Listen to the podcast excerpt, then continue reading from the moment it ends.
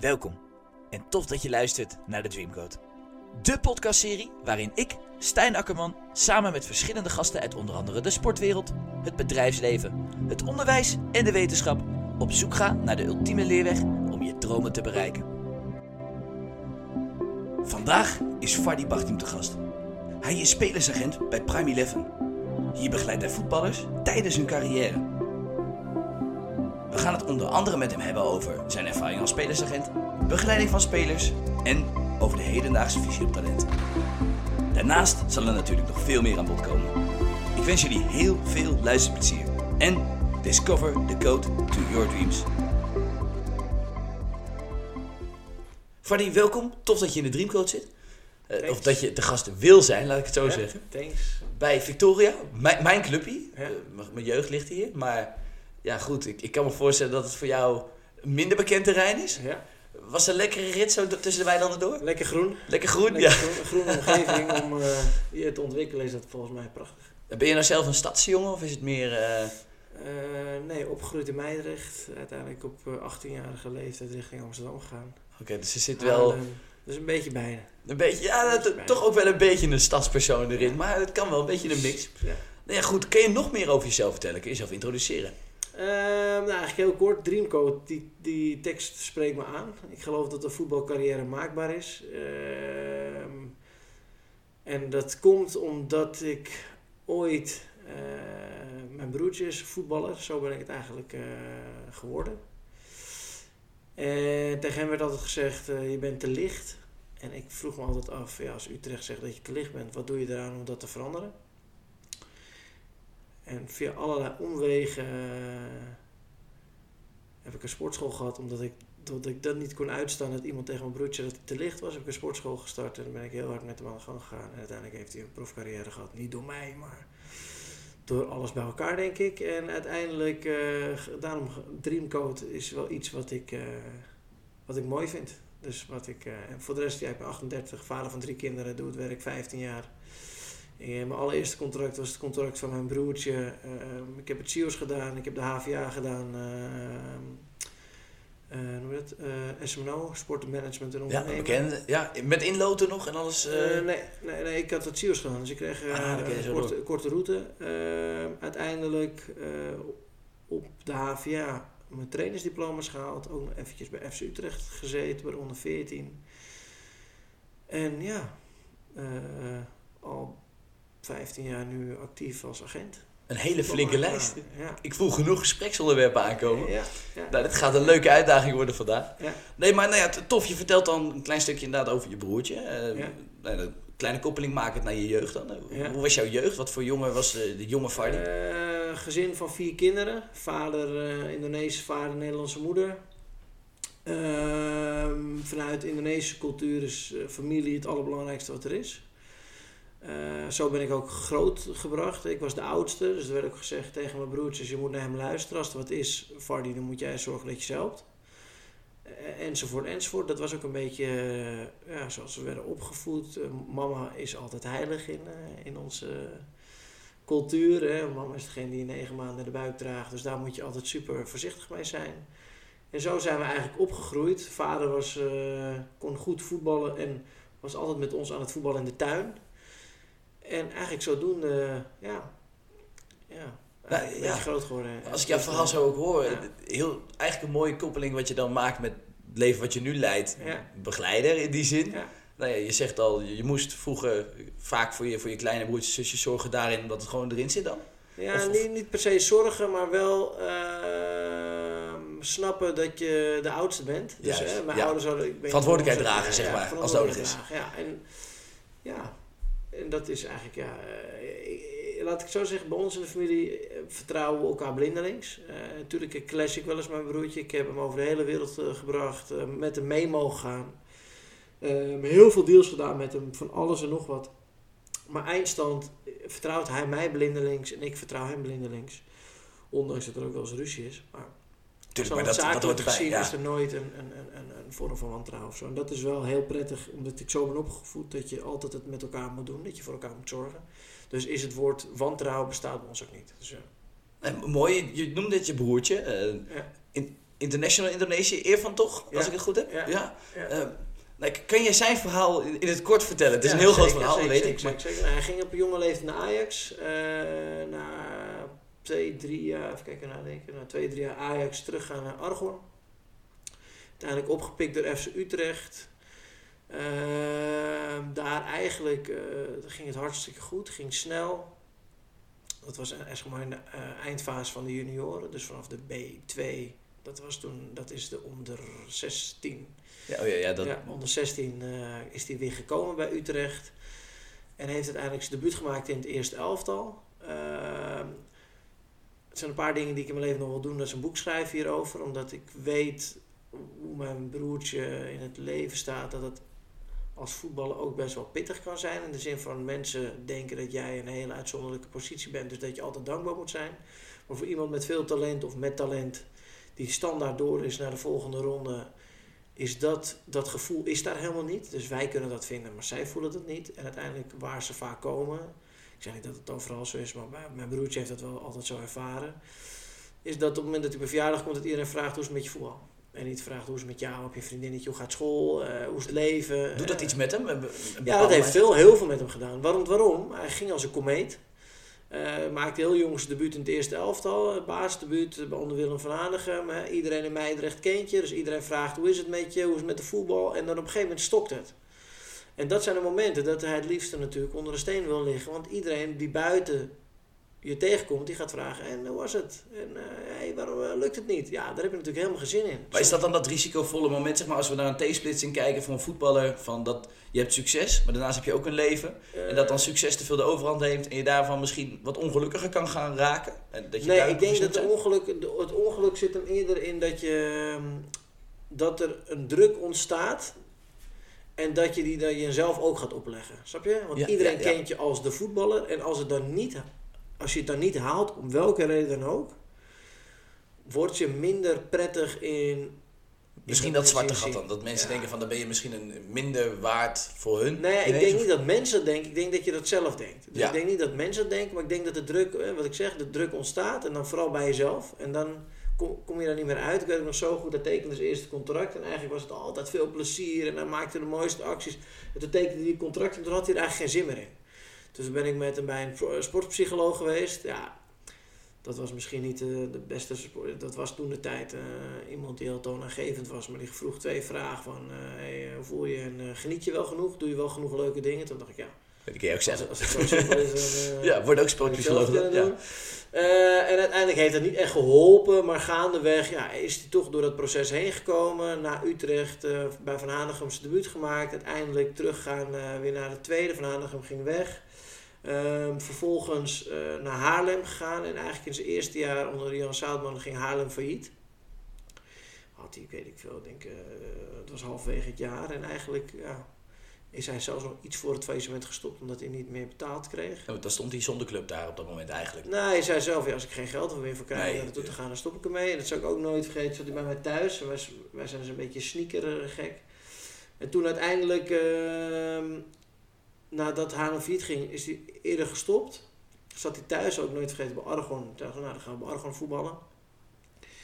En die namen hem toen niet aan. Wij woonden tegen het Argon-complex samen. Ja, moeilijk, moeilijk, moeilijk, moeilijk, moeilijk. Uiteindelijk, nou, via heel veel lullen en eh, veel mensen bellen, mocht hij toch bij de A-selectie van Argon. Want daar kon hij natuurlijk makkelijk spelen. Want hij speelde ook in de, toen heette het Jupiler League. Ik wou het zeggen, dat is dan zwaar. Ja, dat dus dat was geen enkel probleem. Maar goed, dat was voor Argon schijnbaar wel een probleem. Uiteindelijk eh, heeft hij wat uitnodigingen gehad voor een soort van eh benefietwedstrijd in Indonesië. Want twee jaar voordat Haarlem failliet ging, heeft hij ook nog eh, meegedaan om geprobeerd om eh, bij de Olympische ploeg van het Indonesische elftal te komen. Dat was Foppe de Haan toen de trainer. Toen raakte hij geblesseerd, is hij niet naar de Olympische Spelen gegaan. En dus mensen wisten, wij zijn opgevoed met een dubbele nationaliteit. Ik, ik heb een Indonesisch paspoort, hij heeft een Indonesisch paspoort. Dat was toen de tijd zo. En ja, we hebben altijd een Indonesisch paspoort eh, gehad. En uiteindelijk eh, belden de mensen uit Indonesië van... hé, hey, kan je niet hierheen komen? Speel je een benefietwedstrijd en dan gaan we het zien. En op dat moment zat hij altijd thuis. Dat was ook een hele deprimerende periode. Hij was van plan om te stoppen. Hij vertelde... Volgens mij zat hij op een eh, station, was hij colablikjes aan het uitdelen om geld te verdienen. Een soort promotiewerk. ja, terwijl hij net gestopt verdien je wat aan dan. Maar En toen kwam hij volgens mij, of Gregory van der Wiel, of iemand van Ajax tegen waarmee hij gevoetbald had. En die zei, wat doe jij nou weer? Ja, eh, ik ga me gewoon normaal leven weer oppakken. Het lukt niet in de voetballerij. En toen is hij uiteindelijk naar Indonesië gegaan op verzoek om te vragen of hij mee wilde spelen. Eerste keer ging hij, is hij afgewezen door de twee grootste ploegen, ging hij stage lopen. Afgewezen door de twee grootste ploegen van Indonesië, Persija en Persib. Toen is hij teruggekomen, toen was die benefietwedstrijd, ik moet het even goed zeggen, een goede chronologische volgorde. Toen was die benefietwedstrijd en toen speelden er heel veel mensen van de nationale ploeg mee. En toen wonnen ze 3-1 en hij was uh, degene die twee keer scoorde of zo, zoiets. Dan val je in principe op. Uh, ja, en toen stonden er opeens wel ploegen voor de deur. Mijn vader was toen de tijd met hem mee. En die, toen heeft hij daar zijn eerste contract getekend voor een paar honderd euro netto. Een huisje, een kamer met uh, geen airco, uh, koud water. En is hij gaan voetballen. En eigenlijk een half jaar later speelden ze de Asian, de Southeast Asian Cup. En daar werd hij, uh, ja, ging hij scoren voor de nationale ploeg. En je moet je voorstellen, Indonesië heeft 270 miljoen mensen.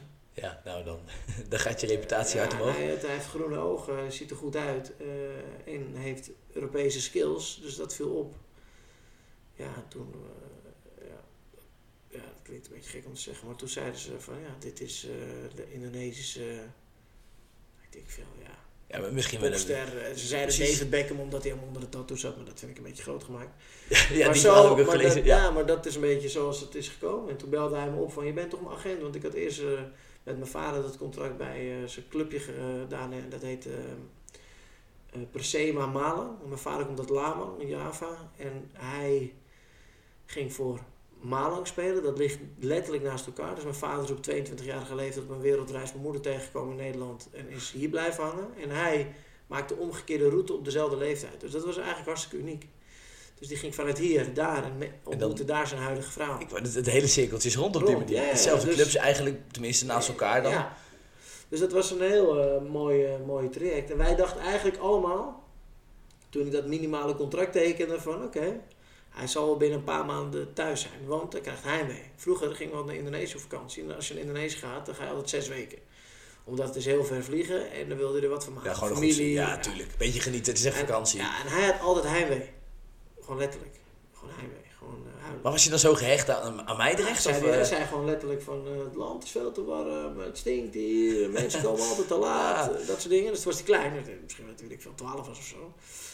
En toen ging hij uiteindelijk op zijn, ik denk 19e, 20e of zo, ging hij daar dan spelen. Dus wij dachten allemaal, die is binnen een maand thuis, dat houdt hij nooit vol. En toen tekende hij zijn contract bij zijn eerste clubje daar. Dan krijg je 70% van je geld kreeg je cash. Dat wist hij niet. Okay, nee, oh wauw. Dat kreeg je in een tasje. Dus hij ging zitten aan zo'n tafel zoals hier.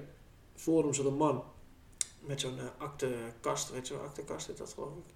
Zo'n kast die zo open oh, ja, die gooit hem even open. En, uh... en dan heb je een tas mee. Zijn broer zei, ja, heb ik. Dus uh, hij legt die tas op tafel en dan wordt 70% van zijn jaarsalaris. dus, Schrik je ook? Denk je, wat gebeurt hier? Joh? Ja, en Indonesische briefjes, het is niet veel, maar je hebt heel veel briefjes nodig om tot een redelijk bedrag ja. te komen. Dus die tas zat vol met geld en dan belde hij, ik heb een tas vol met geld, wat moet ik hiermee doen? Ik zeg, weet ik veel gast, leg het onder je bed of zo. Ja, maar, ik zeg, ja, weet ik het. En toen uh, ging ik de volgende dag met hem bellen. Toen wilde hij de supermarkt in en moet je tas afgeven daar in Indonesië. Ja, dat wilde hij natuurlijk niet. Tas zat vol met geld. Natuurlijk, ja, kijk. Ja, toen belde Anders met geld vandoor. Ja, precies. Toen belde hij op en toen zei hij van, ik bel je zo terug. Ik zei, ik bel je zo terug. En toen had hij dat het cashgeld uitgegeven aan de motor. Slim. Dus toen kon hij nooit meer terugkomen. Oh, nee, dat is niet handig. Ja, ja dat... dat ga je uitgegaan voor tickets. Dus dat was klaar. En toen, uiteindelijk, begon hij te spelen, deed hij goed. Ja, toen kwam hij Zuidoost-Azië Games en toen werd hij de, ja, de Indonesische... Uh... Toen een beetje maar dat, dat moet voor hem dan, qua, want als je reputatie Indonesië groot is, dan word je waarschijnlijk ook meer een gezicht. Dan kunnen reclamecampagnes zeggen, dan word je echt een grotere speler.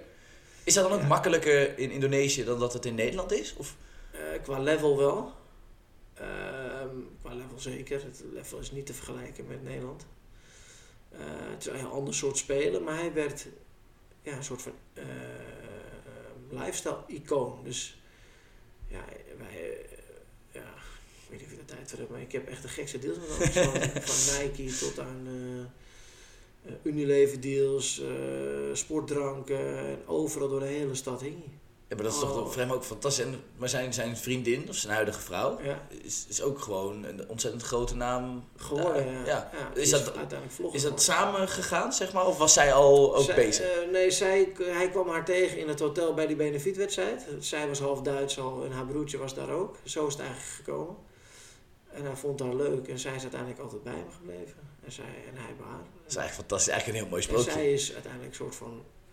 Ja, zij is een hele bekende vlogger geworden op het gebied van eh, ouderschap, business eh, en kinderen eh, grootbrengen. In Indonesië heb je nannies, dat hebben ze allemaal niet. Dus eh, ja. En mocht dat boek uitkomen, ik ga hem lezen. Ik hoor het al. Dit is een flink Ja, verhaal. ja, dat is een flink verhaal, maar dat... eh, Nou, fantastisch. eh, Nee, nee, ja, goed. eh, Laten we de mensen een beetje nieuwsgierig houden erover. Anders dan gooien we het nu allemaal Ja. dan kunnen ze hier al in horen. Nee, nou ja, uiteindelijk, je vertelt al een beetje. Je bent zijn agent geworden daarin.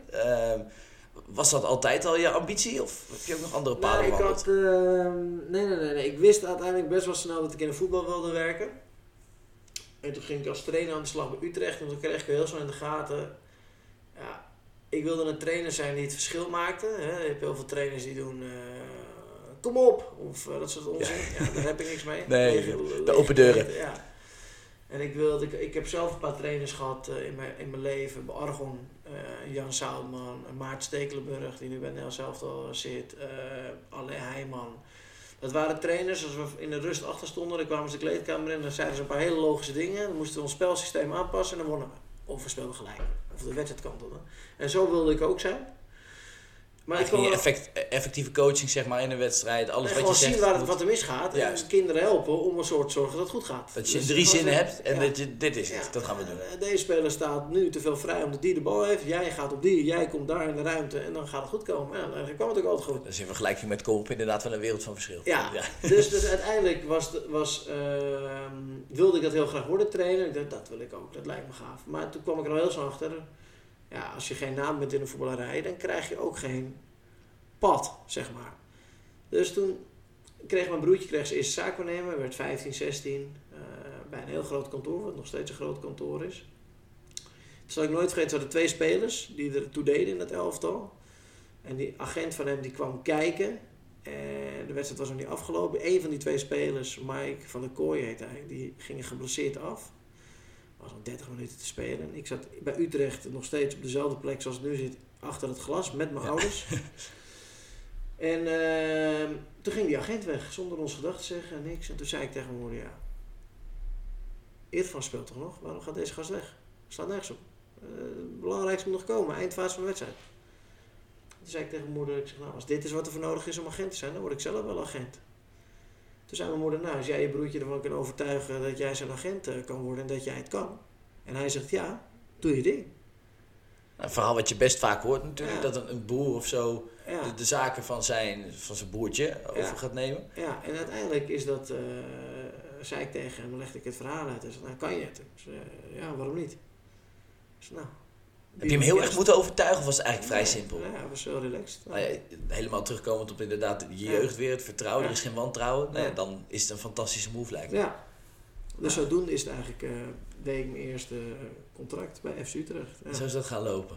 Heb je wel lessen meegenomen als, als trainer naar, de, naar je, je carrière nu, zeg maar? Zeker. Want ik denk wel dat je Eh, kijk erop niet- makkelijker is nu. Eh, nee, sowieso. Sowieso. Ik heb heel... he- ik stond ooit een keer naast een scout van Ajax. Toen was ik nog hartstikke jong. Toen was ik denk ik 16 of 17 of zo. Bij mijn broertje te kijken. En toen zei ik, hey, dat vind ik een goede speler. En toen vroeg een man, naast bij het hek. zei, waarom? Dus, nou, dan legde ik uit waarom ik dat goed vond. Toen zei hij, ik ben een scout van Ajax. Maar je, je zegt dingen die ik heel goed begrijp. Dus leuk. Zo ben ik eigenlijk, was, was ik een beetje getriggerd erdoor. En uiteindelijk als trainer eh, zeker. Je krijgt een idee over een speler. Hè. Eh, je, je, ziet van dichtbij welke spelers het wel en niet halen. Ik had eh, spelers in elftal die wel profvoetbal haalden. eh, acht later, waarvan ik wel had verwacht dat ze het zouden halen. Ik had ook jongens erbij zitten die ik nooit had gedacht, maar ook gehaald hebben. Dus daarin leer je lessen. En ja, ik moet zeggen dat, eh, dat je veel beter weet wat er nodig is. Omdat ik trainer ben geweest bij bijvoorbeeld Utrecht. Echt compleet de andere kant eigenlijk van, Ja. de, van de lijn waar je hebt gestaan. Ja. De, de trainer, Waar, waar je nu in je huidige rol waarschijnlijk meer op de achtergrond zal acteren. ja, De trainer is wel heel erg dominant op een voorgrond, die ziet alles van de speler. ja. En, en hoe kom je dan nu bijvoorbeeld aan je informatie over, over jouw spelers? Via, via trainers. Gewoon, eh, ja, de- of de huidige trainer van de club. Of, kijk, uiteindelijk doe ik dit werk nu zo lang dat als ik, eh, weet ik veel, een hoofdjeugdopleiding bel, dat ze... Dat ze je kent elkaar dat- ook, Ja, dus al- klein wereldje dan. lang, 15 jaar, dus ja. Het is niet zo moeilijk, hè. Er zijn, eh, weet ik veel, hoeveel ploegen zijn er in Nederland? 20 of zo? Een flinke, een flinke lijst. Ja, of, eh, Ja, met- het met- als dat 26 prof is zo, dat- of eh, 28, maar misschien zoiets. Ja, het zijn 28 telefoonnummers. Ja, zoveel zijn het er niet. nee, dat is een, even bellen. hè. Dus even bellen. En als je elkaar lang kent, dan... eh, ja. Dat is sowieso inderdaad een kleine... Je zegt net als trainer, je had de, de, misschien de feeling daarvoor niet... Je kon niet brengen wat je wilde brengen. Had je wel ambities als trainer? Of? Eh, nee, ik, ik, ik denk juist dat ik het wel had kunnen brengen. Maar ik denk niet dat de weg heel makkelijk is voor mensen die niet uit de voetballerij komen Ja. om, om professioneel trainer te worden. Dus ik denk wel dat ik het kan. Nou, dat, nou, ik zou zeggen, dat moest er maar blijken. Maar dat gevoel had ik wel toen ik ermee bezig Het was. begint alles mee, de overtuiging. Ja, maar uiteindelijk zie je ook dat kwaliteit niet leidend is, zeg maar. Kwaliteit Ja, ja, nee. Het, het gaat erom, als je een oud speler bent, dan ben je beschermd. Hoe scheef dat eigenlijk ook klinkt, hè? Want het is eh, nou, misschien ook wel in de huidige, eh, de huidige wereld.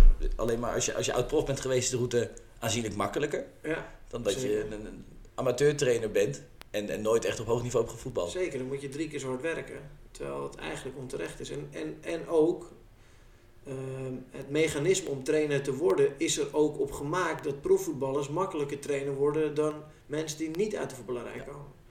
En dat is natuurlijk een heel slecht eh, eigenschap eigenlijk. Want eigenlijk moet kwaliteit leidend zijn. Maar als jij profvoetballer geweest bent op een bepaald niveau, krijg je al punten. Heb je in, in het landsport krijg je nog meer punten. Wat ik snap, maar dat moet niet leidend zijn. De trainer-coach betaald voetbal is extreem duur. Nou, vaak kunnen ook dat alleen maar mensen betalen die of oud-voetballer geweest zijn. Want als je in één keer 25.000 euro moet neerleggen. Ja, heel veel jongens van eh 7, 8, 29, 30 of 31 die heel talentvol zijn, hebben niet in één keer dat geld liggen om die stap te maken. Dus ja, trainers, eh, nou, de weg van een trainer is er ook op gemaakt om praktisch gezien voor mensen met kwaliteit, niet uit de voetballerij, om het niet te halen. Nou, en het stukje inderdaad, want de oud-profs die hebben dus eigenlijk een route waar ze gewoon 100% voor moeten werken. Als je niet oud-prof bent, moet je 300% werken. Ja. Vind je dan niet dat die mensen die 300% ervoor moeten werken, eigenlijk gaan die veel effectiever leren? die gaan nee. veel meer nuttige dingen meenemen. Ik ehm, eh, ben heel blij dat ik met George eh, mag werken. Nou ja, over iemand inderdaad die zo'n route heeft En die afgelegd. heeft die route afgelegd en daar ben ik van dichtbij eh, bij. En dan zie je dat kwaliteit niet leidend is, maar de perceptie van mensen. Wat, wat, is jou, wat is volgens jou dan het verschil tussen een George T en, nou, zonder een naam te noemen, een, een trainer die oud-prof eh, is geweest? George heeft natuurlijk veel meer uren gemaakt als trainer. Die was op misschien op zijn, weet ik veel, eh 18e al jeugdtrainer. Dus die heeft veel meer velduren eh, achter zijn naam. George heeft gestudeerd, super intelligente gozer. Eh, is didactisch veel beter onderlegd. eh, niet- Daar noem je iets moois. Ja, Ja, didactisch inderdaad. Ja. of uh, Guus Hiddink hebben allebei op het Siels gezeten. Bij elkaar in hetzelfde... nee, nee, zeg ik het goed. eh Guus Hiddink en... ja, Louis van Gaal. Ja, volgens mij ook, ja zeker. Ja. Want ik, ik meen ook, nee, dan nog naam, volgens mij heeft Leo Beenhakker zelfs ook het Seals Ja. gedaan in Haarlem, dacht ik eh, zelfs nog. Dus- Juist hem. dus Ja. was hij Ja, hem? ja, ja. Ja, dat kan Leo ook. Beenhakker en... Leo Beenhakker en Guus Hiddink dan, denk ik. Nou, in ieder geval... Het is Alle drie de trainers die Ja, een goede carrière hebben Ja, gehad. die, die in ieder geval komen uit van een school waarin lesgeven en eh, het opleiden van het leren lesgeven centraal staan. Als jij van een voetbalveld komt, eh, voetballer maakt misschien, weet ik veel, vroeger eh, misschien, weet ik veel, 25 werkuren per week. En daarna gingen mensen naar huis. Maar een voetbaltrainer moet 50 uur in de week werken of 60. Dus die vertaalslag is al anders. Maar iemand die niet uit de voetballerij komt, die in de business, in een ander soort business stapt, werkt altijd 40, 50 uur. Dus, het was dat voor George... gegeven. Ja, natuurlijk. Dus de, de kans dat iemand die niet voetbaltrainer of niet uit de voetballerij komt, maar trainer wordt, er veel meer uren in steekt, is super logisch, want dat moet in elke bedrijfstak. Alleen ja, als voetballer ben je daardoor een beetje ja, misschien van weggebleven, om het zo maar te zeggen, omdat dat niet gevraagd werd. Niet dat je daar iets aan kan doen. Maar stel nou, jij, jij mag bij de KNVB mag jij de trainerscursus helemaal opnieuw inrichten. Wat zijn de eerste wijzigingen die je door zou voeren? Ben ik wel heel benieuwd naar. Eh, prijs moet naar nul. Eh, toptrainer, niet nul, maar die moet lager. Ja, dat gewoon elk geval betaalbaar is, vergelijkbaar met eh, Duitsland misschien. Ja, en uiteindelijk eh, je didactisch vermogen, het leren lesgeven, moet naar een veel hoger level. Dus dat betekent dat, dat je in plaats van dat je kan zeggen, oké, je bent profvoetballer geweest, eh, dat is één onderdeel. Dan maak je een ander onderdeel erbij. Hoe goed kan je groepen beïnvloeden en lesgeven en leiding geven? En hoe, kunnen we dat dan, hoe, hoe zouden we dat dan in kunnen richten? In, in- Kunnen testen, ja, dat vind ik moeilijk. Dat is niet mijn specialiteit. Maar, ik, maar ik, ik- ja, als ik zie eh, ja, wat, wat ik van dichtbij zie, ik ken heel veel trainers die niet uit de voetballerij komen, maar die, waarvan ik denk die wel heel, heel erg goed zijn. Dus ja, En eigenlijk misschien die, of, of net een extra dingetje in een cursus. Ja. Kijk, het is ook niet mijn specialiteit. Maar het is inderdaad wel een hele nuttige vraag, denk ik, om hardop ja maar dan moet je over brainstormen, dan moet je over Ja. nadenken. Want uiteindelijk, volgens mij, is het in Duitsland, ik weet het niet 100% zeker, maar volgens mij is het in Duitsland al een klein beetje anders. En gaat het veel meer om kwaliteit in plaats van om. Nee, je ziet welke trainers er doorstromen daar. Ja. Gewoon trainers die, die Nou, vroeger als speler nobody waren. En nu, eh, wauw. Dus, ja, dus, dus dat, ik denk dat daar een verandering in moet komen. Vind ik. Ik weet niet of iemand anders het ook vindt, maar dat vind ik. Ja. nee, maar dat is, dat is juist, ik denk dat dat mooi is in de voetbalwereld. Er zijn duizenden meningen. En, en tussen elke mening zitten ook altijd wel hele goede ideeën. Ja. Mooi is als daar een filter voor is. Hè, want die duizenden meningen, als dat keer drie gegeven wordt. Ja, nou ja, goed. Tel uit je winst. Ja. Maar, eh, nou ja, goed. Verder dan naar het stukje spelersagent. Eh, Ja. Want, nou ja, we hebben wel eens vaker een gesprek erover gehad. Ehm, er zit een bepaalde negatieve lading op het woord zaakwaarnemer. Ja. Ja, kan, je, daar wat over vertellen? Nee, dat komt omdat Johan Derksen of mensen eh, in de media alleen maar roepen eh, dat, dat spelersmakelaars of agenten een slechte invloed hebben op spelers. Hè. Dat daar deals gemaakt worden die niet goed zijn voor de speler, maar goed zijn voor de agent. Nou, daar kan ik heel duidelijk over zijn. Ik deel die mening niet, want zo werk ik niet. Ik zeg altijd, ik ben een soort van gids voor de voetballer. Ik laat je allerlei plekken zien, maar jij bent degene die zegt van dat wil ik wel, dat wil ik niet. En ik eh, geef alleen aan wat er allemaal mogelijk is en wat voor mogelijkheden voor de speler zijn. En uiteindelijk als een speler ergens niet naartoe wil, ja, dan ligt dat niet aan mij. De speler is altijd degene die zijn handtekening ergens zet. Dus ja, dan kunnen mensen zeggen, de agent eh, is heel beleidend en bepalend, maar dat is niet zo. Nou, gids daarin is wel heel mooi inderdaad. Want de speler Ja. heeft zijn eigen kompas. Jij bent Ja. alleen degene die soms even een klein tipje meegeeft. Ja, Of- tuurlijk. Maar eh, nee, daar zit inderdaad ook wel... Want de meeste mensen van de buitenwereld van buitenaf denken... Oh, zaakwaarnemer. Eh, heel Ja. plat gezegd, die willen het geld verdienen van de speler. Even zo, zo ja, wordt het wel eens in beeld mensen denken, ja. Maar dat, dat ben ik absoluut niet mee eens. Je krijgt als agent eh, tussen de 3 en 8 of 10 procent van het totale jaarsalaris van een speler. Nou, even eh, grofweg, laten we zeggen dat het gemiddeld in Nederland 5 procent is. De, het gemiddelde salaris in de eredivisie is misschien, nou ja, laten we zeggen buiten de top 3 is dat misschien 180.000 euro. Ja, ik, ik denk dat dat een flink... Doen 5 procent, dat is Ja. 9000 euro per jaar voor de agent. Nou, Daar moet ik voor reizen, daar moet ik voor kantoor onderhouden, daar moet ik eh, alles voor doen. En, en niet te vergeten, want dat is, dat is wat mensen dan wel eens vergeten. Er zit ook gewoon een 24-7 service voor een speler lijkt me. Ja. Want je bent een soort eh, de tweede vader. Eigenlijk wel som, in sommige dingen wel erg Ja, niet helpen. tweede vader, maar wel een, een, een, eerste eh, hulplijn. Een eerste hulplijn, moment ja, dat, mooi. dat dingen gevraagd worden. Dus, en dat gaat 24-7 door. Ja, ik, ik, werk, ik mag werken met spelers in Azië, in andere landen. En ja, dus ik ben altijd Lijkt me degene die fantastische mensen, ervaring, eh, ja, die, waarvoor de hulplijn... eh, En het lijkt me ook niet, het, het moet ook nooit je motivatie zijn om er iets aan te willen. Volgens mij moet je motivatie zijn dat je een speler beter maakt en een fantastische carrière kan geven. En, en dat je daarin uiteindelijk de stappen gaat maken. Ja, nee, maar dat, en dat is uiteindelijk maar. dat- ik, zeg dat, ik denk dat iedereen dat zegt, maar het gaat erom dat mensen moeten begrijpen dat spelers baas zijn over hun eigen carrière. Justin Kluivert heeft besloten om naar Italië te gaan. Niet zijn Nee, agent. Niet nee, nee, precies. Die biedt de mogelijkheid aan, maar dat is ook de taak van een agent. Maar de speler beslist. Als de speler wil blijven, blijft hij. Ja, maar dat is, en dat is ook inderdaad. Maar eigenlijk is het dan ook wel eh, bijzonder dat mensen er eerder liever een andere naam aan willen geven. Omdat ze bang zijn dat er een negatieve lading zit op het woord zaakwaarnemer. Bij wijze van. Ja. Dat is, en dat, dat, dat vind ik wel. Nou, dat zegt genoeg over de maatschappij. Het zegt genoeg over hoe dingen werken. Tegenwoordig Ja. social media, Facebook, Instagram, Twitter. Alles Ja. kan zo openblote mening gedeeld worden. Ja. Heb, heb jij er ooit iets van gevoeld? Of heb je altijd gewoon lekker gedacht, joh, ik doe mijn ding. Het enige wat je hebt is als je met nieuwe eh, spelers wil werken en je moet je gaan voorstellen aan ouders, is dat je heel veel dingen moet gaan uitleggen waarom het niet zo is. Ja, En dat, dat is niet per se erg, maar dat is wel wat je moet doen. Wat je, en wat je doet. omdat er een bepaald beeld is eigenlijk. En, Ja, omdat clubs ook zeggen, ja, wat, oh, ach, eh, dit, ja. aan de andere kant hebben clubs ons ook nodig. Dus eh, als clubs, als je, ik denk, nou goed, als ik naar mezelf kijk. Ik denk als je bepaalde clu- heel veel clubs in Nederland belt, die vraagt, eh, een ouder vraagt, dan is het goed om door hem begeleid te worden. Dat alle clubs zouden zeggen, ja, dat dat is een prima organisatie. Ja, want, want je hebt net eigenlijk al een klein stukje toegelicht over ja, wat- een spelersagent eigenlijk is. Maar Ja. ehm, ja, wat doe jij als, als spelersagent nou eigenlijk? Wat is jouw, jouw dagelijkse bezigheid? Afhankelijk van de leeftijd. Oh, eh, nu. Wat, wat, Ja, gewoon je dagelijks- nu. Ja, maar, ja, precies. Wat houdt het nu in? Nu. Ja, nee, eh, dat kan echt van alles zijn. Het onderhouden van contact met spelers, het onderhouden van contact met clubs, eh, het ontdekken van nieuwe spelers, het, ja, dat soort dingen. Wedstrijden kijken. Zoals je weet, voetbal stopt nooit. Op het moment dat voetbal de eredivisie stopt, gaan alle jeugdtoernooien beginnen. Op het moment dat de jeugdtoernooien stoppen, gaat de eredivisie weer beginnen. Je moet wel goede structuur in je hoofd hebben ervoor, Ja, denk dus je, moet, je, kan, je kan altijd eh, wedstrijden kijken, je kan altijd mensen ontmoeten, eh, dat soort dingen. Dus dat gebeurt eigenlijk hartstikke veel. Ik kan de hele dag eh, met gemak eh, vullen. Dat is toch eigenlijk wel, nou, lijkt mij fantastisch. Als je een voetbaldier bent, is het mooi. Maar hoe Ja. ziet jouw dag er dan eigenlijk? Als je, als je ons meeneemt in een planning. Ja, niet vast dus, want je hebt geen Nou, vaste vaste schema's. dagen naar kantoor. Dat is vaak drie keer in de week. Maandag, dinsdag, eh, vrijdag. Eh, maandag nemen we het weekend door waar we allemaal geweest zijn. Je moet je voorstellen, vrijdagavond zit ik bij een Jupiler League wedstrijd. Zaterdagavond zit ik bij een Jupiler wedstrijd. Zaterdagochtend zit ik bij wedstrijden. Dat kan zijn in Nederland of in het buitenland. Zondag zit ik in een Eredivisie wedstrijd. Zaterdagavond Eredivisie. Maandag weer Jupiler League.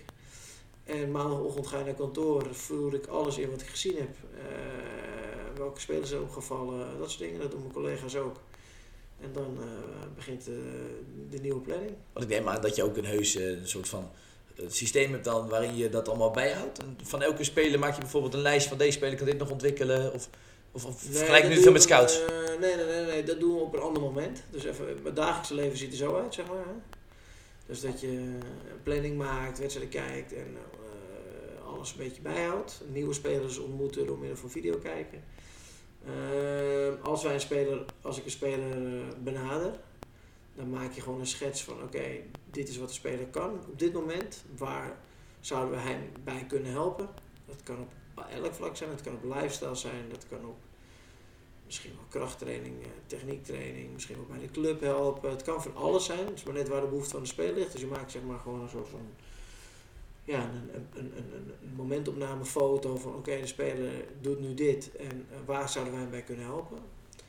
En uiteindelijk samen proberen dat naar een, eh, naar een hoger level te tillen, waardoor de kans op een profcontract of op een profcarrière groter wordt. Doordat je meer facetten beter benadert als speler. Dat wat we doen. Oké, oké. nou, want is het dan ook, want dat hoor je bij heel veel spelers, hè? Tenminste, ik, ik, ik spreek nu ook de nodige spelers soms in de omgeving. En dan is er heel gauw de speler zeggen, ja, nee, ik heb nu een spelersagent, dus ik word prof. Maar volgens mij zit daar een hele grote misvatting, want hij kan je enkel begeleiden. Nee, eh, daar zit een hele grote misvatting. Je moet je voorstellen, eh, ben je de agent van Lionel Messi, Ja, dan hoef je als agent niks te doen. ben je. Dan heb je drie eh, dingen die je moet doen. Je telefoon opladen, hem aanzetten en opnemen als iemand belt. Belangrijk. Dat zijn de enige ja. dingen die je hoeft te doen. Want dan komen de clubs naar je toe. Elke speler die eh, daaronder zit, daar moet je gewoon voor werken. Dus op je een speler gaat niet zomaar naar van A club A naar club B. Als je het hartstikke goed doet wel. Maar uiteindelijk, de prestatie van een speler is leidend voor de carrière van een speler. En ik zeg altijd, er zijn twee manieren om profvoetballer te worden. Eh, of moeder natuur moet zijn werk doen. En dan kom je per ongeluk in het profvoetbal terecht omdat je toevallig fit bent, een groot talent bent en alles valt goed en dat. Of je kan eh, je carrière proberen te maken door structureel stappen te maken die je zorgen dat je dichterbij komt door vroeger te slapen, beter te eten. eh, misschien wel ro- rollen, rekken, strekken, foamrollen.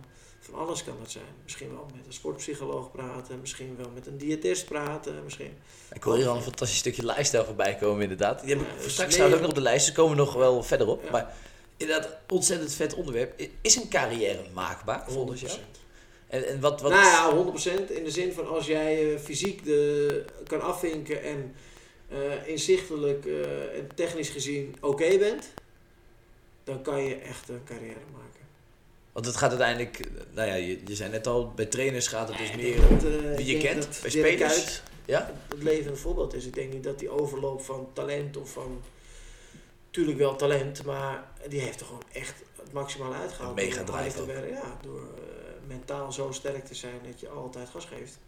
Niet voor niks Mr. Duracell genoemd natuurlijk ook. Hè? Dat is, er zit wel heel wat in. het- de- dus ik denk zeker dat de carrière maakbaar is. En ik heb dat van dichtbij ook mogen meemaken. Ik heb eh Lars Veldwijk speelde in de A2 van Argon.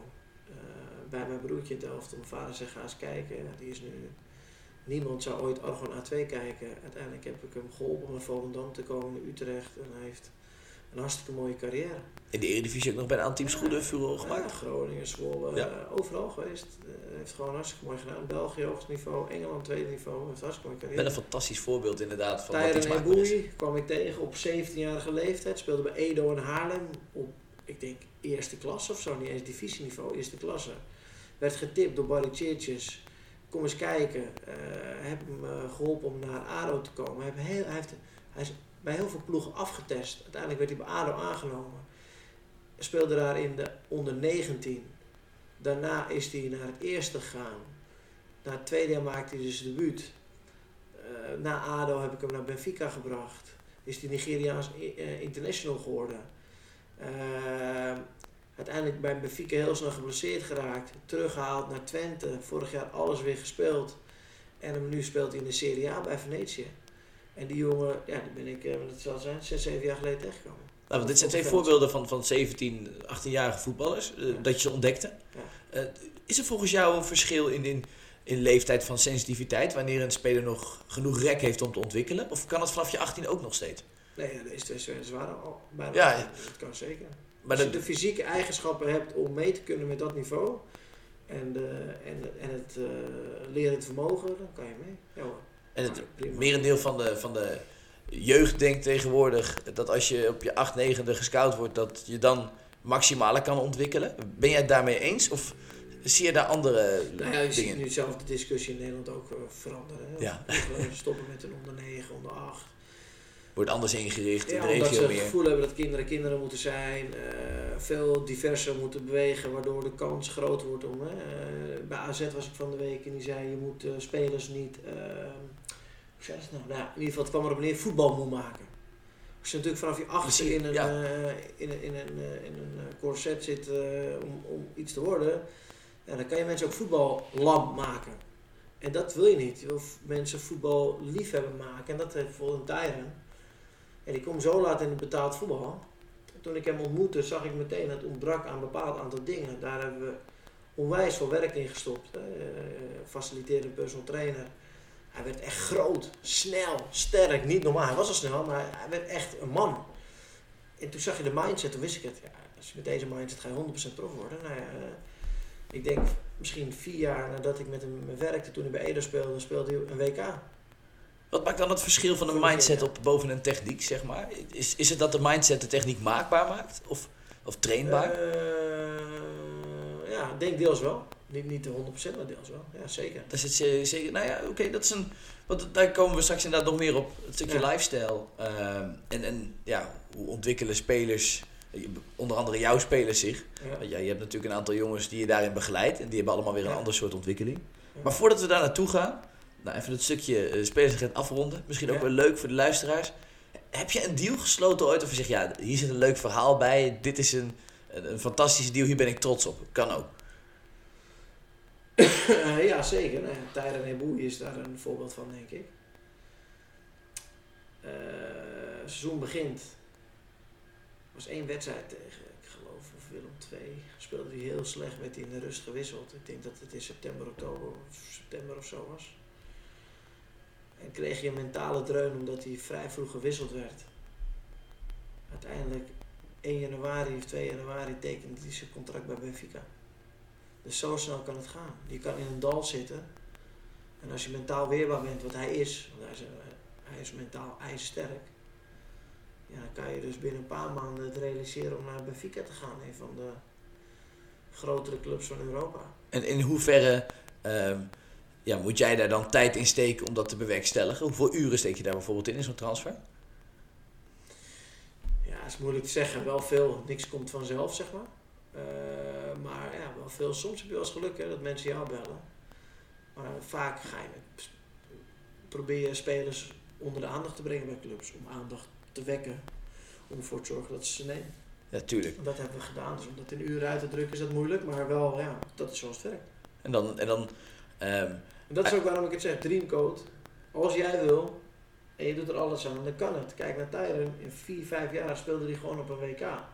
Ik zeg niet dat het door mij komt. Ik ben er eh, gelukkig bij geweest. Ik heb hem mogen zien met amateurs en loop nu al, uh, is nu denk ik 26, 25, 26. Ik loop Ja. al een tijdje met hem mee. Maar eindstand, dit is het levende bewijs van, oké, als je iets wil en je hebt de juiste mindset en je bent echt bereid om te investeren in jezelf, kan je dus op een WK verschijnen. Hij voor Nigeria binnen zoveel jaar. Binnen vier, vier jaar denk ik heeft dat tussen gezeten. ja, maar dat, dat is het mooie ook aan het stukje. Kijk, eh, Dreamcode is natuurlijk ontstaan uit eh, die droom is uiteindelijk Ja. dat je einddoel wat je voor ogen hebt. En dat heeft, ik denk, elk mens. Ja. En je route er naartoe, ja, dat is die dynamische ontwikkeling. En dat kan van links naar rechts. En dat gaat nooit in één keer goed. Nee. Maar nee, een prachtig voorbeeld wat je noemt is natuurlijk Ja. Eboe dan. eh, ja. Veldwijk of dat zijn jongens die. Die hebben een uniek verhaal. En dat wil Ja. niet zeggen dat de andere verhalen van spelers die sinds hun elftal bij Ja. profclub zitten minder uniek zijn. Maar het, het, interessante is denk ik voor podcasts als deze, zijn Ja. dat de hele interessante verhalen. Want die mensen hebben heel veel tegenslagen daarom, meegemaakt. zeg, daarom geef ik ook dit soort voorbeelden. Kijk, eh, ik noem even wat. eh, ik mag met de heren Travest werken bijvoorbeeld. Ehm, ja, hem heb ik, ben ik tegengekomen op zijn 16e. We zaten, of 16e ja. Toen zaten we in een restaurantje met z'n tweeën. En toen zeiden we van, zou zomaar kunnen dat we de volgende keer zitten dat je bij Twente in het eerst speelt. Ja, en inderdaad, de volgende keer dat wij eh, daar zaten, dat was nog een half jaar later, was hij denk ik 17. Ja, was die vaste baasspeler bij Twente. Dingen kunnen soms heel gek en heel snel gaan door omstandigheden. Maar één ding moet als een pijl boven water staan, is dat jij moet leveren. Dus dan kunnen mensen geblesseerd raken. hè, Maar op het moment dat je er moet staan, moet je doen. Ja, nou, hij deed dat. Dan moet je Dat- aanstaan. Ja. En dat is... eh, die komt dan uit de profwereld, zat in Nederlandse elftal. Dus voor hem was dat misschien wat logischer dan voor de Tijger. Maar wel om aan te geven van... Dingen kunnen in een heel rap tempo eh, veranderen. En zo, zo is inderdaad ook het, het, het leven van een droom. En Ja. jouw route. En je moet er gewoon alles voor geven. Dat is eigenlijk de conclusie hieruit. Ja. Nee, we hebben het nu over een paar spelers voor jou gehad. Hoe- Hoeveel spelers heb je precies? Of is het ook weer lastig Nee, het al uit te team, we drukken? zijn een team met mensen, dus ik Ja. kan niet zeggen, we zijn eh vijf agenten, dus het is moeilijk om dat... Dat is ook lastig om op te tellen. En de spelers, oh nee, maar ook eh, mijn collega's werken ook met de spelers, snap je? Dus het is niet alleen dat dat mijn eh, verdienst is, maar dit doen we met als groep. Daarvoor ben je ook een team. Ja, je, maakt, je maakt elkaar sterker. Je vult elkaar waarschijnlijk in dingen aan. Ja, zeker. En eh, verschillende types heb je erin. Nee, goed, dat, nou ja, je zei, we hebben het er al over gehad, je hebt veel spelers, maar aantallen dan weet je dan niet. Maar En niet die, die ik zo aan mezelf nee, dat is ook, nee, tuurlijk, dat snap ik, dat snap ik. Hoe verdeel je dan die aandacht over die spelers? Nou, een team kan al helpen, wat je zegt, maar Nee, wat wij doen is wij spreiden ons door het land elk weekend. En dan proberen we gewoon zoveel mogelijk mensen te zien. Zoveel mogelijk spelers waarmee we mogen werken te zien. En uiteindelijk eh, ja, is dat eigenlijk een beetje eh, hoe wij de aandacht verdelen. hè. De corona was wat moeilijker, omdat Ja. je elkaar dan niet kan zien. Maar nu, complex niet op dan. Eh, ik mag jouw broertje begeleiden. Mijn vader heb ik afgelopen week twee keer gezien. Ook gezellig, dat, ik had een heel gezellig familie, ik kan heel leuk zijn dan. Ja. AZ heb ik hem gezien, ik heb hem tegen NEC gezien. Dus in een voetbalseizoen zie je elkaar gewoon heel veel. En eh, ja, kan je met ouders of met spelers praten om te zeggen wat je ervan vindt. En ja, dat is een beetje hoe we met elkaar werken. Nou, tegenwoordig hebben we natuurlijk heel veel app. Ja, dat is ook Ja, zo op een gegeven makkelijk. moment wat, je, wat, je, wat ik merk altijd is, eh, als je, eh, je broertje is jong, dus nu is er misschien nog een drempel om mij uit zichzelf te appen, zeg maar. Maar zometeen wordt hij ouder, ja, ik me wat, eh, weet ik veel, een Lars of een Hidde of weet ik veel. Eh, ja, daar, daar, daar app ik mee, daar facetime ik mee of dat soort dingen, ja. Die zie je, dan gaan we eens mee uit eten, eh, dan wordt het heel anders. Dan wordt het een soort van, dan is het geen Beetje vriendschap eigenlijk, wat eruit ontstaat. ja, min of, ja, ja, min of meer wel. Ja, Ja. ja. eigenlijk wel. met elkaar kunnen werken. Dus eh, je moet het beste voor elkaar willen. Nou, dat is daarom wel heel mooi. Nee, je, je zegt eigenlijk al, je komt in contact met ouders langs de lijn, met spelers sta je in contact. Ja, in hoeverre kan jij hun omgeving positief stimuleren om het zo nuttig mogelijk ontwikkelomgeving te maken? Ehm, dat is wat je probeert. Ik, eh, ik heb een paar ouders die. Het is voor mensen vaak heel makkelijk om de omgeving schuld te geven. Ja, Snap je? Van, ja, de trainer, of de club, of dit, of die speler, of dat, of zo. Dat is eigenlijk extern ook, hè? Ja, Dus- allemaal zoeken naar redenen waarom het niet lukt. En ik leun, als ik, een spe als ik met een speler werk, heb ik mijn research gedaan, ik heb mijn scouting gedaan, ik weet wat de speler kan en dan ga ik leunen op zijn kwaliteit. En dan ga ik niet leunen naar wat andere mensen bieden of wat andere mensen hem aanbieden. Ik wil bij de kern komen, dat is, dit is jouw kwaliteit en wij samen gaan ervoor zorgen, of hij gaat ervoor zorgen en ik probeer daar in je hoofd scherp bij te houden dat je je droom gaat waarmaken. En uiteindelijk is dat een beetje zoals het werkt. Dus ja, ouders bellen mij heel, wel eens van ja, maar dit en ja, maar dat. En dan zeg ik meteen: stop. Ga, vertrouw nou eens op de kwaliteit van je kind. Niet vertrouwen of wantrouwen op wat er gebeurt, maar ga nou eens leunen op de kwaliteit van je kind. Want als je dat hier zet, hoog, dan kan je het verschil maken. Weet je, in plaats van, eh, dat, dat merkte ik al als trainer. Ik had, ik had eh, jongens in mijn elftal waarvan ouders zeiden van ja, maar die of die. En wat krijg je als je dat tegen kinderen zegt? Die gaan dat zien. Snap je? Die gaat, die ook voelen. Kinderen zijn heel sensitief. ja, en dat is uiteindelijk, denk ik, de allergrootste doodsteek voor een ouder. Mijn vader zei altijd, ook tegen mijn broertje, als hij, niet, als hij zat wissel, ja, dan moet je harder trainen, vriend. Die zou nooit zeggen, ja, maar de trainer, ja, maar er waren geen excuses. Harder trainen, zorg dat je snapt wat de trainer van je vraagt. Wees daar proactief in en zorg dat je weer op het speelveld terechtkomt.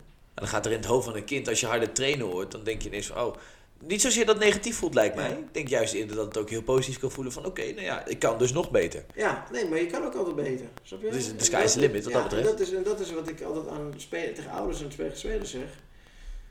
Ja, eh, ga aan de slag met de dingen die je zelf kan beïnvloeden. Ga niet aan de slag met de dingen waar je geen invloed op hebt. Jij kan de trainerskeuze niet beïnvloeden. Maar jij kan wel zo goed trainen dat de trainer je opstelt. Maar ik kan niet op voorhand zeggen als je niet goed traint, hé hey, trainer, zet je erop. Snap je? Dus ja, doe dingen waar je invloed op hebt. Ga zorgen dat daar je aandacht naartoe gaat. En ga niet zorgen dat je aandacht gaat naar dingen waar je geen invloed op hebt. Het is gewoon altijd intern focussen. Inderdaad, als je op de omgeving gaat letten, is het misschien alweer te extern in die zin. Dat je, Ja. En dat leidt af. Ja, Helemaal in de zin van, eh, mindset, ook zo'n interessant onderwerp. Ja. Ik, ik, vind, ik wil ook nog wel een keer kijken of ik het, een speciale thema-aflevering met Wimcoat kan maken over mindset. ja, Maar ehm, moet je doen. ja, ik heb hier wel een hele interessante, hele interessante in. Want talenten, dat jij, jij hebt het eigenlijk wel heel erg over intrinsieke motivatie, Ja. hard werken, Ja. al die punten. Maar bestaat talent volgens jou? Want dat is ook nog een van de Nou elementen. ja, van- ehm, ehm, mijn werkgever komt wel heel vaak met eh, mooie dingen. Die zei, Wessel zei, eh, talent is een bal. En in die eh, onderdelen van die bal bij elkaar zorgt ervoor dat je het wel of niet haalt. Dus als je, noem even wat, de bal bestaat uit technische, eh, technische vaardigheden, inzicht, fysieke mogelijkheden, eh, al die dingen bij elkaar. Maar ook is mindset. Snap je? Is daar één onderdeel van. Mentaal gesteld.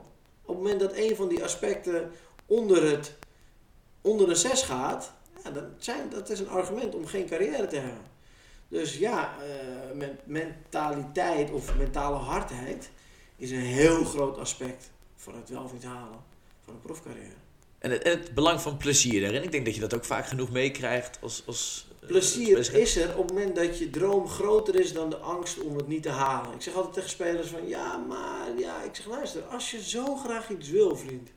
Ik zeg altijd tegen spelers, ik zeg doe je er alles aan? Nee, ja, en ik, zeg, nee, ik slaap niet altijd vroeg of ik eet niet altijd gezond. Ik zeg oké, maar stel je nou voor dat ik tegen jou zeg luister, je gaat een jaar lang goed slapen en gezond eten. Aan het eind van het jaar geef ik je een miljoen euro netto. Lukt dat? Ja, 100%. Dus, nou, dat is wat er nodig Dat is. heb je wel, ja. Dat is wat er nodig is. Want als je een topcarrière hebt, kan je dit verdienen in de voetballerij. Dus dan is dit wat je nodig hebt. Dus dan kan het wel. Terwijl als ik het aan je vraag van, hey, voor je voetbalcarrière, doe er eens alles voor laten, dan wordt het moeilijk.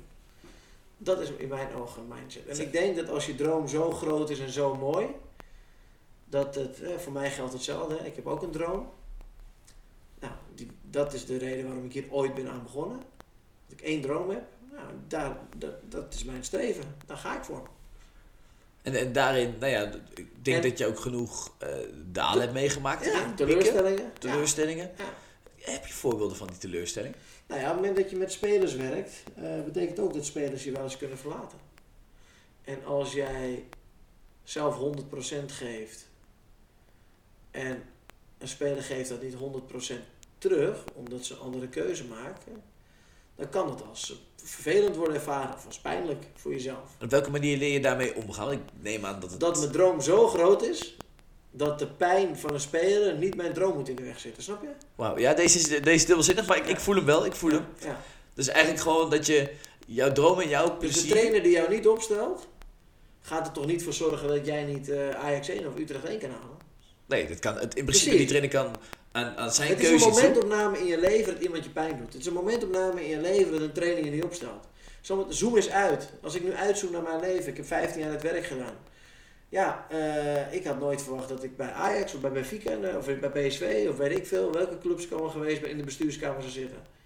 Nee, dat, dat, dat, dat, dat weet ik nu pas. En als ik dan zie dat, dat je niet heel klein moet kijken, ik had wel twintig keer kunnen stoppen. Nee, je moet het juist van verder afzien en denken van oh, oké, en, eh, gaandeweg, hé luister, we groeien. En eigenlijk is die basis een, een onaantastbare mindset misschien in die zin. Ja, is dat een gewoon beetje wat je probeert te zeggen? zo Ja. groot maken en het zo graag willen, dat het geen last is om het te halen, maar juist iets moois om het te halen. Fantastisch deze. Deze moet eigenlijk, heb ik weer zo eentje. Ik denk dat dit wel zo'n mooie quote wordt voor in de, voor in de trailer hierover. Ja. Deze is mooi. Je droom erboven zetten. Ja. Nou goed, stukje lifestyle. Ik heb hem net al aangekondigd drie keer, want ik vind dit een heel interessant item. Ja. Een- Een korte stelling voor jou. Stel een speler, die leeft dus niet naar zijn droom. Ja. En die mist op bepaalde gebieden, dus op zijn lifestyle, ja, levert hij heel veel dingen in. Hij leeft ongezond, eh, Ja. werkt niet aan zijn doelen, vaak. afgeleid. Ja, wat, wat is jouw rol daarin? Hoe ga jij dat dan eh, Ja, aanpakken? daar is mijn rol. eh, daar is mijn. eh, ik, ben, ik probeer altijd een soort van spiegel te zijn. En dan een pratende spiegel of een... een- een pratende spiegel. Dan ga ik aangeven van. Ik zeg altijd tegen spelers. Als jij bij de McDonald's staat na een wedstrijd. Zou Cristiano Ronaldo dat doen?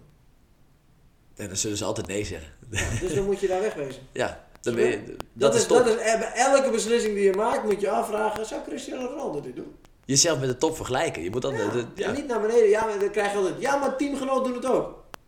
Gewoon, Leuk.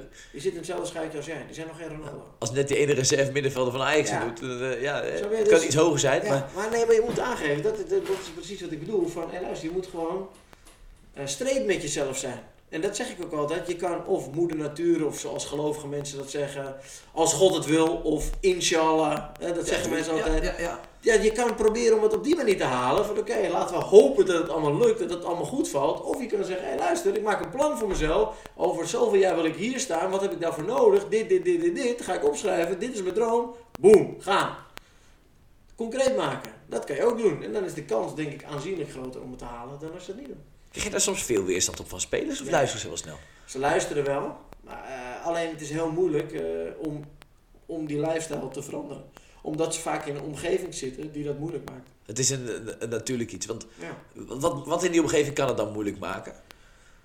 Ik noem even wat. eh, Mensen die vragen of je meegaat naar een feestje. Heel op, verleidelijk als je 15, 16 Ja, en bent. als je, twi- als je ik noem even wat. Ik heb spelers van 16, 17 jaar. Die verdienen echt heel veel geld. Ja. Ja, dat betekent dat op het moment dat je met dat soort mensen mag eh, werken, dat je... Er zijn geen beperkingen, dus die kunnen met vrienden uit eten, dat soort dingen. Dus die kunnen slechte keuzes maken, omdat ze financieel de middelen hebben om die te maken. Een stuk onafhankelijker waarschijnlijk Ja, daarin. dus- ja. Dus de kans dat mensen ook falen, is groot, snap je?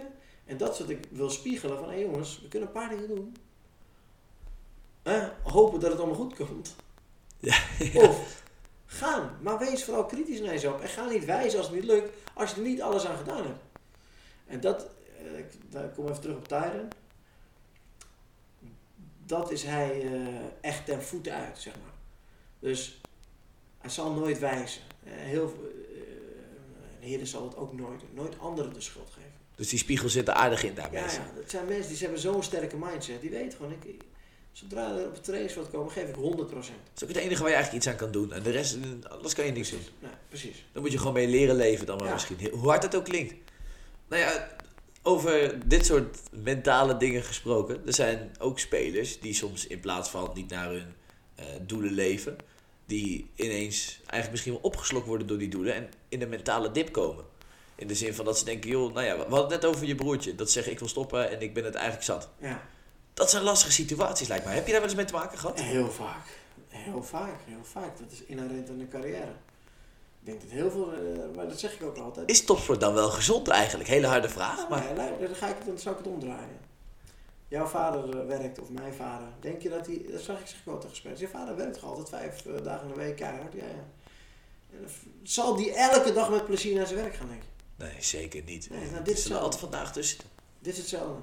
Alleen bij je vader is het zo, die heeft geen andere keus. Want die moet dit werk doen. Snap je? Om zijn gezin te onderhouden. En ga je dus gewoon nog maar een keer naar je werk, ook al is het gekloot aan. En dat is wat ik tegen spelers altijd zeg van... Relateer het eens even in het juiste... Zet het in het juiste perspectief. Nee, ook als je... Oké, stel je voor je stopt met voetbal. Dan ga je iets anders doen. Denk je dat je dat met normaal werk niet hebt? Dan ga je het Dat je daar geen zin meer in hebt? Tuurlijk, het is hetzelfde. Alleen ga je dan wel jouw modaal bijvoorbeeld verdienen in sommige gevallen. Bijvoorbeeld, en niet in je droom. Nu kan je bewegen, sporten. Ik zeg dus, je moet alles in het juiste perspectief zien. En dat is wat ik altijd tegen spelers zeg. Van, oh ja, maar moeilijk, moeilijk. Ja, denk, ik vraag eens aan je vader, zeg ik opdracht. Ga nu naar je vader toe, vraag of hij het altijd leuk vindt voor werk. Als hij zegt, ja, ik heb het al 30 jaar, ga ik elke dag met een glimlach, ik heb het nooit. Nou, dan, eh, Ja, maar dat is wat, dan moet je die baan gaan doen. ja, dan, moet je, dan, weet je, dan weet je het ook. Als Dan dat zo leuk is. Ja. Makkelijk carrière switch. Ja, maar anders, ik, zeg 9 van de 10 mensen hebben niet altijd naar de zin. En dat is ook iets wat heel normaal is. Dat zeg ik wel tegen spelers. Het is heel normaal. Zijn mensen, geen robots.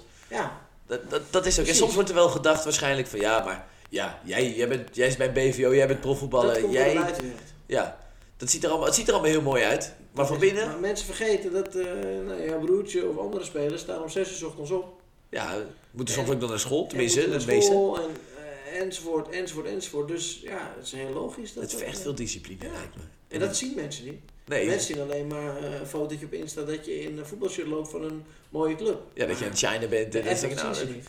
Maar de rest, dat is, nou ja, goed. Ik, ik, ik denk dat ik heel veel wijzer ben geworden van ons gesprek vandaag. Ik denk dat Ja. ik heel veel dingen uit meeneem. Ik hoop de luisteraars ook, maar ik, ik kan me niet Ja. voorstellen dat ze dat niet doen, want dit gesprek zat vol informatie. Ja, goed, eh, dan gaan we richting het einde.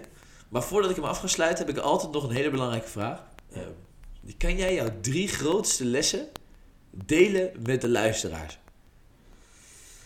Eh, drie grootste lessen. Ja, dit is best een moment om even muziekje in te starten, want die moet altijd voor nagedacht worden. Ja, nee, dus eh, drie grootste lessen. Eh, De grootste les is altijd dat je eh, altijd dingen in het juiste perspectief moet zien. Dus eh, een vriend van mij zei als je denkt dat je problemen hebt, denk dan nog een keer. Snap je? Als je een gezonde jonge man bent die zijn droom nog kan najagen omdat hij de fysieke voorwaarden heeft om het te doen, dan moet je heel blij zijn dat je het kan doen. En dan moet je ogen openen voor mensen waarbij het niet lukt. Dat is denk ik een eh, eentje waarvan ik altijd, ja, dat ik altijd denk van, onthoud dat soort dingen gewoon heel goed. Dat je in een bevoorrechte positie zit, ook al zie je dat niet zelf altijd, maar ga eens verder kijken dan alleen maar dat. En wat ik zeg, durf zo groot te dromen dat je, het, dat je altijd met plezier jezelf ontwikkelt. Omdat je denkt, wow, dat is toch gaaf als ik dat kan. En dat je dan daardoor, eh, dat, dat is denk ik echt een, eh, een hele belangrijke, tenminste zo werk ik, laat ik het zo zeggen. Ik voel ze ook wel, moet ik zeggen hoor. Ik vind het hele mooi. eh, sowieso inderdaad, als je iets doet wat je leuk vindt, Ja, ja, dat is volgens mij de hele essentie van het leven. Want het leven is niet, heel- niet heel lang, je hebt Nee. maar een paar jaar. Ik heb maar beter iets doen wat je leuk vindt. En probeer alles in de juiste tijdslijn te zien. Dus op het moment dat je er niet lekker in zit, jij denkt toch niet, eh, als je het niet speelt, dat je over twee jaar nog weet dat je dit jaar drie keer achter elkaar wissel hebt gezeten. Snap je? Zoom even uit. Even total view pakken. Ja, gewoon zoom even uit van, oh wat een problemen. Nee, nee, nee, nee. Geloof me. Gewoon rustig aan. Dit is voetbal. Snap je? Het kan morgen anders zijn. Het enige wat je moet doen is steek energie in de dingen waar je invloed op hebt en laat dingen los waar je geen invloed op uitoefenen. Dat is het enige. Ik denk dat deze drie tips, dat mensen deze echt heel goed in de oren moeten gaan knopen. Ja. Als je een droom wil bereiken, pak deze mee. Doe er je voordeel mee. Ja, En ja, wie weet eh, zitten zij dan ook ooit in de Dreamcode te vertellen over wat zij bereikt hebben allemaal. ja man. Het zou wel mooi zijn. tegen in een stadion. Dat, Ja, mooi zijn. dat kan ook. Het allermooiste. Of eh, dan, dan komen ze ineens bij jou in de stal te staan en dan ga jij ze helpen. Graag. Ja, Graag. Altijd en als welkom. jongens vragen hebben, ook als je bij amateurclub zit, ze kunnen me altijd proberen te berichten eh, op Insta, weet ik veel. dat is helemaal top. Ja, tuurlijk. En ze vragen willen stellen van, hey, kan dat echt? Ja, kan echt. Fantastisch. Als je, goed, als je echt je best doet en we kunnen heel Dan veel. kun je altijd, je kan elkaar bij helpen daarin. Nou goed, Fadi, ik ga je ontzettend bedanken. Thanks. Ik vond het super tof dat je hier wilde zijn. Dankjewel. Een eh, eervolle gast, moet ik zeggen. Dus eh, Super. heel blij mee. En eh, ja, misschien ooit nog een keer, een, over een paar jaar nog een keer een opname doen. Kijken hoe het dan is. Ja man. En ga ik de luisteraars ook bedanken. Luisteraars, allemaal bedankt voor het luisteren. Ik hoop dat jullie er veel van hebben geleerd. En graag tot de volgende.